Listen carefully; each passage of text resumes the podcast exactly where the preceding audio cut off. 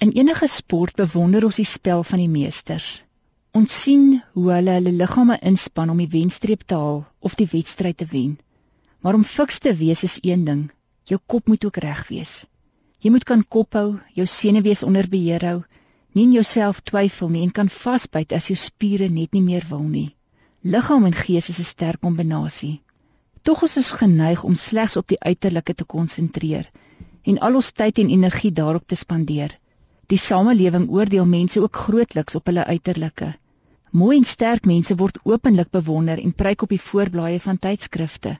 Dit verkoop immers. God kyk egter met ander oë na ons. Hy kyk na ons harte, na ons gesindheid, na ons karakter, oor hoe ons dink. In Samuel 16 vers 7 staan: Maar hy sê vir Samuel: Moenie na sy voorkoms of na sy buitengewone lente kyk nie, want ek het hom nie gekies nie. Die Here kyk nie na dieselfde dinge as die mens nie. Die mens kyk na die uiterlike, maar die Here na die innerlike. Ons leef tussen 'n wêreld waarin die uiterlike oorbeklemtoon word. Dit beteken nou nie dat ons almal slonskouse moet word of ophou oefen nie. Jy is immers 'n heel mens en jy moet jouself beslis oppas. Maar kom ons maak meer tyd om by jou innerlike uit te kom. Koester jou innerlike meer. Dit het immers ewigheidswaarde. Ja, ons liggame word ouer, ons hare gryser en vir sommige selfs minder. Jy lyk nie vir ewig soos op 20 of 30 nie. In 2 Korintiërs 4 vers 16 staan: Om hierdie rede word ons nie moedeloos nie. Al is ons uiterlik besig om te vergaan, innerlik word ons van dag tot dag vernuwe. Nou hoe kry ons dit reg om van dag tot dag vernuwe te word?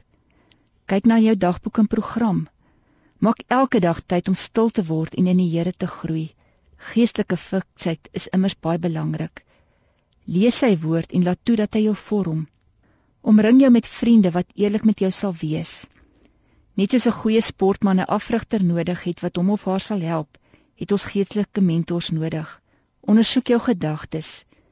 Niemand weet wat in jou gedagtes maal of wat deur jou gedagtes gaan nie. Tog het dit uiteindelik 'n wesentlike invloed op jou lewe. Kyk na jou geestelike groei. Is jy vandag nog op dieselfde plek as waar jy verlede jaar was? Indien wel, maak nou 'n plan. Jy sal sien jou innerlike geestelike karakter het 'n sigbare invloed op jou optrede.